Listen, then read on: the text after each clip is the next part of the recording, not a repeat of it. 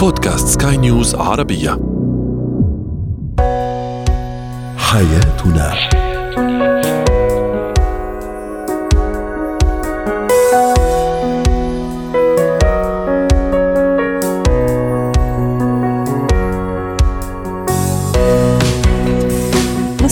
الكرام أهلا بكم معنا إلى حياتنا. فضاؤكم اليومي الذي يعنى بشؤون الأسرة وباقي الشؤون الحياتية الأخرى والذي يمكنكم الاستماع إليه عبر منصة سكاي نيوز عربية dot com slash podcast وباقي منصات سكاي نيوز العربية الأخرى. شاركونا عبر رقم الواتساب 0097156 ثمانية ثمانية ستة اثنان اثنان ثلاثة. معي أنا أمل شابة. اليوم نتحدث عن كثرة المشاكل بين الخطيبين.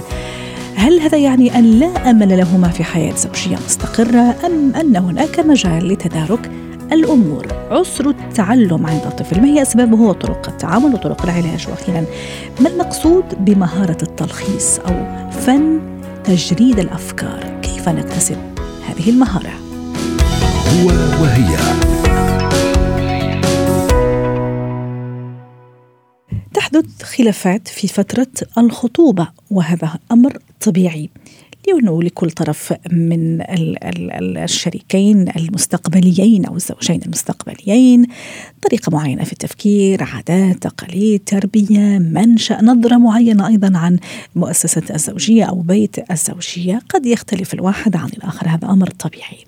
أيضا اختلاف وجهات النظر لكن إذا كثرت المشاكل أو أن فترة الخطوبة هذه هي فترة للمشاكل للتعارف. فهل هذا يعني بأن هذين الشريكين أو الشريكين المستقبليين لا أمل لهما في حياة زوجية مستقرة أم أن الأمر ممكن يتدارك؟ دعونا نرحب بالأستاذة لنا أصأص الاستشارية النفسية والأسرية ضيفتنا العزيزة من بيروت. أهلا وسهلا أستاذة لنا أنا وخطيبي أو أنا وخطيبتي مشاكلنا لا تنتهي على أبسط الأمور حتى على الأمور المصيرية اللي تتعلق بحياتنا الزوجية المستقبلية. هل الأمر طبيعي؟ إيه طبيعي. لكن إذا زاد الأمر عن حده أكيد مش طبيعي. هل هذا يعني أنه لا أمل أنه رح نكون أسرة متوازنة وسعيدة مستقبلا؟ أه هلأ نحن اللي كثير لازم نكون عم نركز عليه إنه الخطوبه هي فترة تعارف. أه هي فترة تعارف حتى لو أنا كنت مع الشخص اللي خطبته بعلاقة قبل هيدي الخطبة. أه كنت عم بتعرف عليه وأنا بعرف كل تفاصيل حياته. بس وقت الخطوبة أنا بتعرف على أمور أكثر بكثير فبالتالي أول شيء لازم تكون عم بعمله نكون منتبهه لجميع التفاصيل إن كانت رجل ولا إن كانت امرأة. أه ولكن إذا بدنا نحكي عن موضوع المشاكل مثل ما ذكرت بالحرف كل شيء بيزيد عن حده بينقص. يعني إذا أنا عم بشت عم عم بتخانق أنا والشخص الثاني على على أدق التفاصيل هون في بمحل علامة استفهام. بينما الخلاف هو واجب بالعلاقات. يعني بمحل من المحلات اللي لازم نكون عم نعرفه إنه الخلافات واختلاف وجهات النظر هو شيء مطلوب وإلا كمان بيكون في عنا شيء خطأ عم نحكي عنه أي يعني. لكن ليش الاختلاف على أدق التفاصيل على أبسط التفاصيل؟ هل لأنه ما عم نعرف نوصل لبعض أفكارنا؟ هم عم عم نحاول كل واحد فينا يسيطر على الثاني ويثبت له إنه ها أنا رح أكون مسيطر في الحياة المستقبلية الزوجية لما نكون تحت سقف واحد. انتبه أو انتبهي. يعني شو ممكن عم نحاول إنه يعني نوصل لبعض سواء بشكل مباشر أو غير مباشر سواء بعقل واعي أو ممكن حتى في العقل اللاواعي أو في العقل الباطن هو اللي يعني يعني يخلينا نتصرف بهكذا تصرفات. صحيح اللي ذكرتيه كثير صح. لأنه نحن بنعمل تيستينج بنختبر بعضنا بأيام الخطوبة. بنختبر الصبر بنختبر الحدود بنختبر مجال السيطرة بنختبر مجال الحب بنختبر مجال العطاء. وهدول الاختبارات كلهم إذا ما كنا عم نعملهم بطريقة صحية بنوقع بالمشاكل وبنوقع بإنه نحن نتخانق على أدق التفاصيل كثير مهم ما نكون عم نعتبر إنه أنا فايتة على علاقة فيها حرب على علاقة صح. فيها أنا بدي أكون عم سيطر أو أو أنا بدي أكون بس آه راضخة لا العلاقة هي آه علاقة تبادلية تشاركية هذا اللي بدي أكون عم ركز عليه بوقت الخطوبة لحتى تكون ناجحة فيما بعدين م. أما إذا بدنا نحكي عن الأسباب آه السبب الأساسي للمشاكل عند المخطوبين هو عدم التواصل بشكل صحيح. يعني ما بوصل طريق ما بوصل الفكرة تاعيتي بشكلها الحقيقي وبشكلها الواضح. وكمان يمكن لانا سامحيني عم أقطع كلامك عم تحكي يعني شيء في غاية الأهمية. آه كمان يمكن أنا ما عم ناقش الأمور آه، بشكل عميق بشكل ناضج. ممكن عم أناقشه بس بشكل سطحي. بخاف إنه يزعل بخاف إنه تزعل تاخذ على خاطرها. ممكن خلص ينهي العلاقة آه، تنهي العلاقة. فتصور كمان الحوار ضروري كثير لكن طريقة الحوار ونوعية الحوار سوري والمناقشة كمان وشو بنناقش كمان من مواضيع مصيرية يا لانا صح؟ طبعا طبعا طبعا. طبعا الخطوبة هي الركيزة لزواج ناجح. يعني أنا بدي بالخطبه أشوف إذا أنا هذا الشخص هو شخص صالح لإلي بيلبي لي جميع الاحتياجات النفسية. وهذا الشيء اللي ما العالم ما بتعرفه. نحن جميعا عندنا احتياجات نفسية بنطلبها من الشريك الآخر. بعيدا عن الاحتياجات الثانية إن كانت مادية ولا اجتماعية ولا أي احتياجات تانية. كثير لازم أعرف أنا احتياجاتي النفسية اكون عم بشتغل على أساسها. واللي قلتيه كثير مهم وبدي بدي أفتح منه قوسين نقول فيه إنه أوقات لأنه ما بنعبر بشكل صريح على مدى طويل مع هذا الشخص بصير في تراكمات وتراكمات وبنصير عم نتخانق على أبسط الأمور لأنه تحت هيدا الأمر اللي أنا عم بتخانق عليه جبال من ال الأمور غير المحلوله ما حليتها معه للشخص وصارت تراكمات عندي ببطل قادرة أتحمل الشخص اللي مقابيلي بولا شيء بسيط. فبالتالي بنصير عم نخلق المشاكل الدورية مع الشريك على أمور تافهة أمور ما خاصه ب ب نعم. عن جد جوهر هيدي العلاقة أيوة. أنا في أمور عندي ما حليتها وما قلت له إياها وما تصالحت أنا وياه فيها لنا في البعض يعني لما تكثر هيك مشاكل سواء فتيات أو شباب يقول لك خلص خلينا ما دامنا على البر خلينا نفصل والله يسهل عليه والله يسهل عليها وكل واحد يشوف نصيبه من جهة أخرى. يعني خلص نعم. اختصارا للوقت وللمشاكل. هل هم صح؟ عم يتصرفوا صح ولا لا؟ في مجال الصلح في مجال تدارك الأمور. إذا كان إيه شو لازم نعمل لحتى هذه المشاكل؟ بالعكس نحولها لأرضية وفاق. وحتى إذا كانت في مشاكل هي مجرد يعني اختلاف بسيط ثم نرجع عادي بعدين لنأسس لحياتنا الزوجية. نعم. أنا اللي بدي أقوله إنه نحن بالمجال التدخل مع ال couples اللي بنعمله لنعرف إذا هدول ال couples عن جد آه بيقدروا يكونوا عم بيكملوا ويعيشوا حياة هنية مثل ما بيقولوا أو لا. بنعمل تمرين أنا بطلب من كل المستمعين اللي عم يسمعونا يكونوا عم بيعملوه اللي هو تمرين القيم. بدي أنا أشوف القيم تاعولي شو هن. وشوف الشريك الثاني القيم تاعوله شو هن. إذا متفقين على القيم وعلى الأولويات كل شيء ثاني بينحل.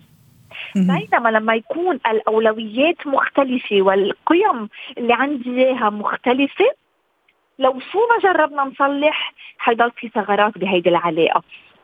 وهيدي العالم ما بتعرفها ما بنتربى ما بنتعلمها بالمدارس ما بنتعلمها بالحياة لأنه هيدا الشيء كثير مهم. بنشوف إنه في أشخاص كثير أوقات همهم اولويتهم المصاري نعم. الشريك الثاني همه وأولويته الحب والعاطفة. واضح. شكرا لك لنا قصص الاستشارية النفسية ضيفتي العزيزة من بيروت. زينة الحياة. اليوم في زينة الحياة نتحدث عن موضوع في غاية الأهمية لماذا في غاية الأهمية؟ لأنه يؤثر بشكل مباشر على الطفل في تحصيله العلمي تحصيله الدراسي تفاعله أيضا مع زملائه مع معلميه يتعلق الأمر بعسر التعلم ما هو عسر التعلم؟ ما هي أسبابه؟ وكيف نتعامل معه. للحديث عن هذا الموضوع رحبوا معي بدكتور ضياء الدين عادل استشاري العلاج النفسي ضيف العزيز من الرياض. أهلا وسهلا بالدكتور ضياء الدين. اليوم نتحدث يا أهلا وسهلا. عسر التعلم بشكل بسيط ما المقصود بعسر التعلم؟ أه بسم الله الرحمن الرحيم. أه تشرفت بلقائي مع حضراتكم. أه عسر التعلم أه هو مجموعة من الاضطرابات. على مستويين اضطرابات نمائية واضطرابات أكاديمية. الاضطرابات النمائية بتتمثل في الانتباه، مشكلة الانتباه، مشكلة الإدراك، مشكلة التفكير ومشكلة الذاكرة عند الأطفال آه سواء أطفال سن ما قبل المدرسة أو حتى أطفال سن المدرسة والمراهقين. أما الجانب الآخر من الاضطراب فهو الاضطرابات عسر التعلم الأكاديمية واضطرابات عسر التعلم الأكاديمية بتتمثل في ال dyslexia ال dyslexia اللي هي صعوبات القراءة آه، وال dysgraphia صعوبات الكتابة أو العمليات الكتابة والإملاء وصعوبات الرياضيات أو ما يعرف بال dyscalculia. آه، في واقع الأمر إن صعوبات التعلم أو عسر التعلم مشكلة أصبحت شائعة عند الأطفال والمراهقين وممكن تستمر لحد سن الشباب أو حتى سن الرشد. طيب لماذا شائعه دكتور ضياء؟ ما الذي يقف وراء هذا ال هذا ال هذا المشكلة عسر التعلم؟ وهل كل اطفالنا معرضين لها ولا في استعدادات ما أدري إذا كانت وراثية، استعدادات عندها علاقة بالتنشئة؟ ما الذي يقف وراء هالمشكلة؟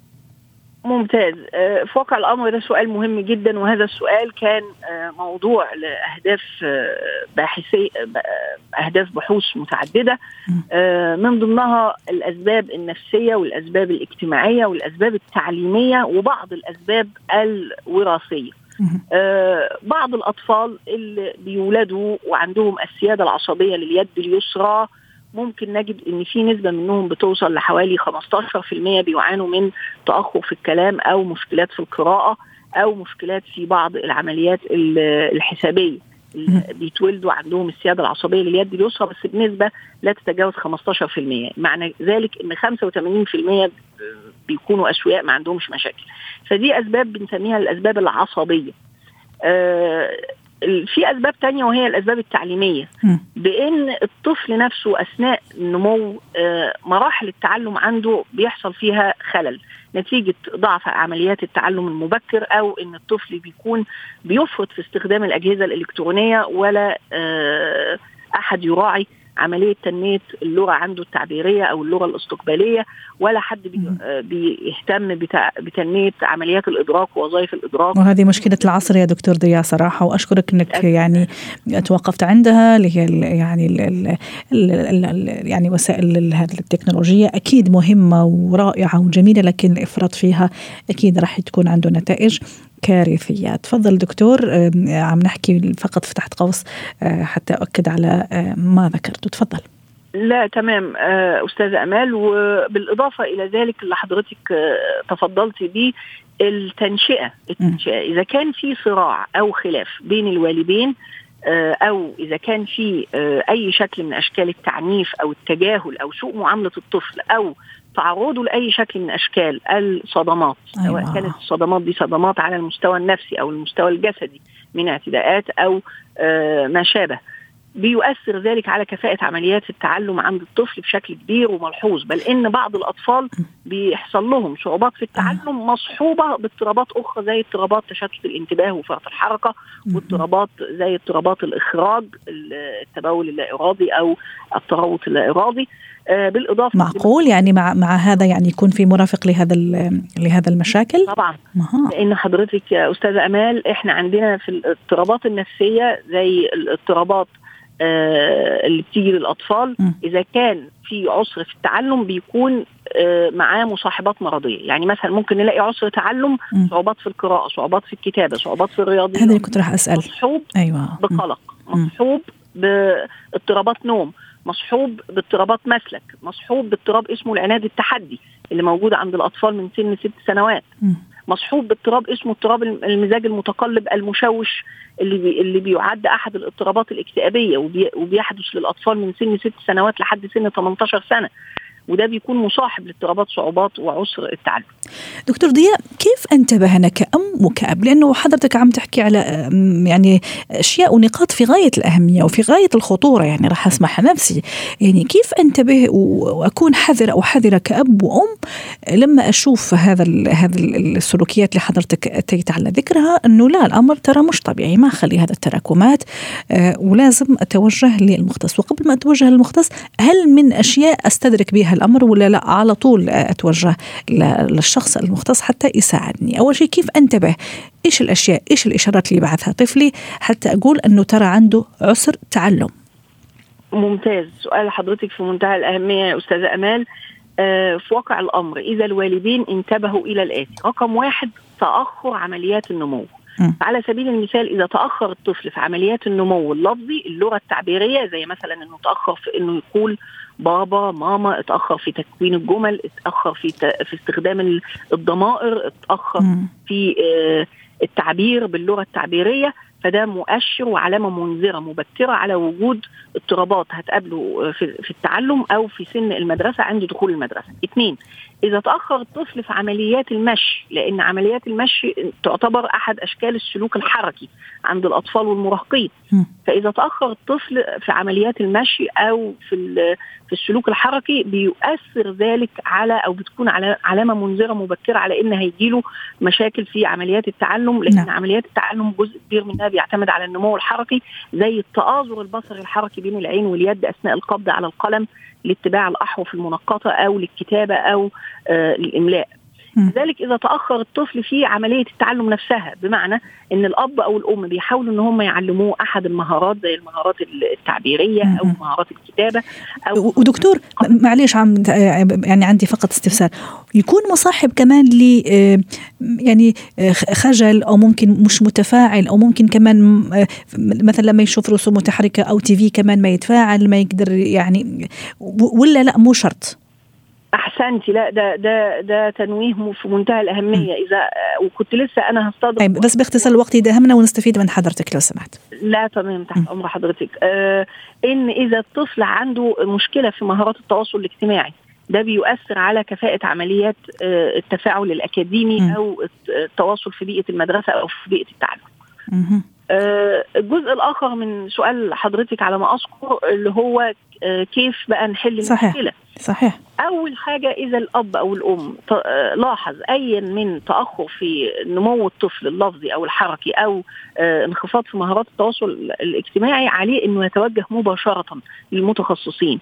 آه، خاصة الأخصائيين النفسيين آه، اللي في مجال التعلم أو في مجال علم النفس الإكلينيكي لأن هم نعم. قادرين على تشخيص صحيح. التشخيص بيتم من خلال أدوات الذكاء من خلال مقاييس مقاييس فحص الذكاء.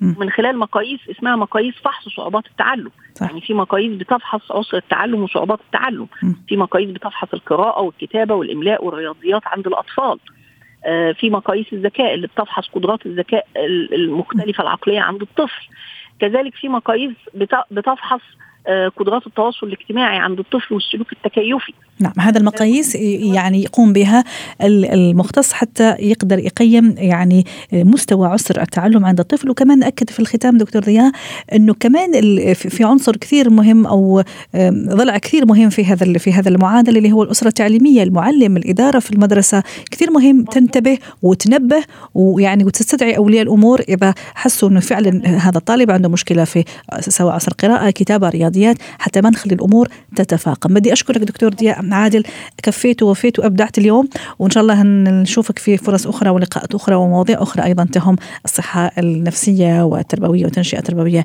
للطفل ضيف العزيز من الرياض. شكرا لك. مهارات الحياة. ماذا يعني مهارة التلخيص؟ للحديث عن هذا الموضوع رحبوا معي بدكتورة سلوى عفيفي مدربة مهارة حياة ضيفتي العزيزة من القاهرة. أهلا وسهلا بالدكتورة سلوى. مهارة التلخيص أو باختصار صيد الفوائد ها؟ كيف أصيد الفوائد من الكلام وأعطيه بشكل ملخص في فائدة أنا أعبر عن نفسي أو عن أشياء اللي بدي أحكيها وفي نفس الوقت المتلقي يعني ما يزهق بين قوسين وما يمل من كثرة الكلام من كثرة الحديث كيف أكتسب هذه المهارة؟ مساء الخير ورمضان كريم عليكم. طبعا بما. إنه ذكرتي إنها مهارة اذا هي يمكن اكتسابها وتعلمها ومعرفة أساسياتها وممارستها وبالتالي إتقانها. هي فن من فنون أو خلينا نقول مهارة من مهارات التفكير والتواصل والعرض. كيف أرتب أفكاري؟ كيف أجعل عارفة عقلنا عامل زي الخلاط. كيف أجعل الخلاط يعني يدور بالدورة السريعة جدا. على العالي كده. يكون في سرعة بديهة يكون في آه عارفه استيعاب وانعكاس للأفكار وبالتالي أنا أرتب أفكاري وأذكرها فيما قل ودل وبالمعنى المطلوب. خاصة إنه لازم أعرف من محدثي من الذي أتحدث إليه. من هم الأودينس أو من هم المستمعين الذين يستمعون إلي. فأخاطبهم باللغة التي يفهمونها بطريقة آه، يعني واضحة أكثر مرتبة والفكرة ليس في كم المعلومة ولكن في يعني كيفية إصدار المعلومة أو تصدير المعلومة للآخر بحيث إنه نعطيه المعنى المطلوب. رائع. في أساليب كثيرة طبعا. لأنه في البعض يعني يعتقد إنه التلخيص أو الاختصار يعني شيء مش كويس أو مش جيد يعني ما راح يخليه يوصل هذا الفكرة. إني أكون أصلا أنا فاهم شو بدي أقول. هذه أتصور. أولى أولى وأول وأهم شيء في مهارة التلخيص ومهارة آه، يعني هالمهارة اللي عم نحكي عليها. أنا أصلا بدي أفهم أنا شو بدي أقول أو شو عايزة شو. بدي. لاقدر أوصل أيوة. الفكرة. أستاذة أمال شوفي شغلتك وشغلتي؟ إحنا كل يوم بنعمل الموضوع ده. حضرتك يعني مقدمة برنامج أو أنا كمدربة. شوفي إحنا أنا أحب دايما أقول أنا أعمل طبختي بإيدي صح ولا لأ؟ انت حضرتك؟ شكلك جوعانة على فكرة دكتورة سلوى. صح. شكلي حكيت لنا على الخلاط قلنا أوكي. شكلك جوعانة ورمضان عامل العمايل.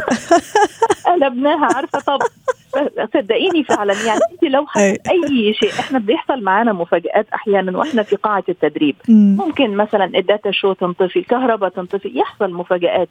هل المدرب قادر على إنه يتكلم؟ طبعا قادر على إني أتكلم. أنا الأفكار أو تتداعى. أفكاري. طبعا تتداعى لأني أنا صح. شاربه الموضوع. مش هقول إني أنا حافظة لا أنا شاربه الموضوع. فلي يعني حتى لما بنعمل مثلا presentation بيكون فقط مجرد يعني رؤوس أقلام أو points للتذكير وليس أكثر. صح. تلاقي المدرب ممكن فاتح slide واحدة شريحة واحدة ممكن يقف يتكلم فيها ساعة. هو بيتكلم من طيب. من أفكاره من طيب هذا يمكن المتخصصين زي ما تفضلتي زي حضرتك مثلا ممكن تخصصات أخرى. لكن الأشخاص مثلا العاديين وفعلا عندهم هذا الإطناب بين قوسين هذا الإسهاب في لما يحب يعبر عن فكرة معينة شو ممكن نقول له في نقاط؟ لا نقول له إنه في وقت. نقول له انه اللي قدامك يمكن لا يستوعب كل هذا الكلام. نقول له إنه يعني الفكرة طب أوكي عايز توصل للمعنى إيه هو. وعشان كده قلت لك إنه في أكثر من طريقة. في ناس تحب تدي فكرة عامة عن الموضوع بعدين تدخل إلى الخاص. في ناس العكس تدخل على طول في الموضوع بعدين لو في وقت ممكن نكمل. في أحيانا ناس تحب تبدأ ب آه، الطريق الأهم فالأقل. وعلى حسب كم المعلومات التي لدي لدى الشخص الذي يستمع إلي. إذا كان عنده فكرة عن الموضوع فلا داعي إني أنا أسهب أكثر. أحيانا في ناس تحب تحكي بالتسلسل الزمني. م. أنا صحيت من النوم حصل كذا كذا كذا. هل هذا يصلح في كل الأوقات أو في كل الموضوعات؟ لا. إذا لابد أن أختار الطريقة المناسبة. في ناس تركز على تركز على الأثر والسبب مثلا أو م. تعرض موضوعها في م. شكل آه، مشكلة وتحليل ومقترحات مثلا في عندنا ست أساليب إحنا حتى بندرسها آه، للناس في مهارات الكتابة ومهارات العرض والتقديم إنه اختار الوسيلة الأنسب للموضوع ولمن تتحدث إليهم نعم. فإما إنك يعني تعمل تلخيص أو اختصار فهناك فرق أيضا هناك استخدام اختصار. وسائل المساعدة م.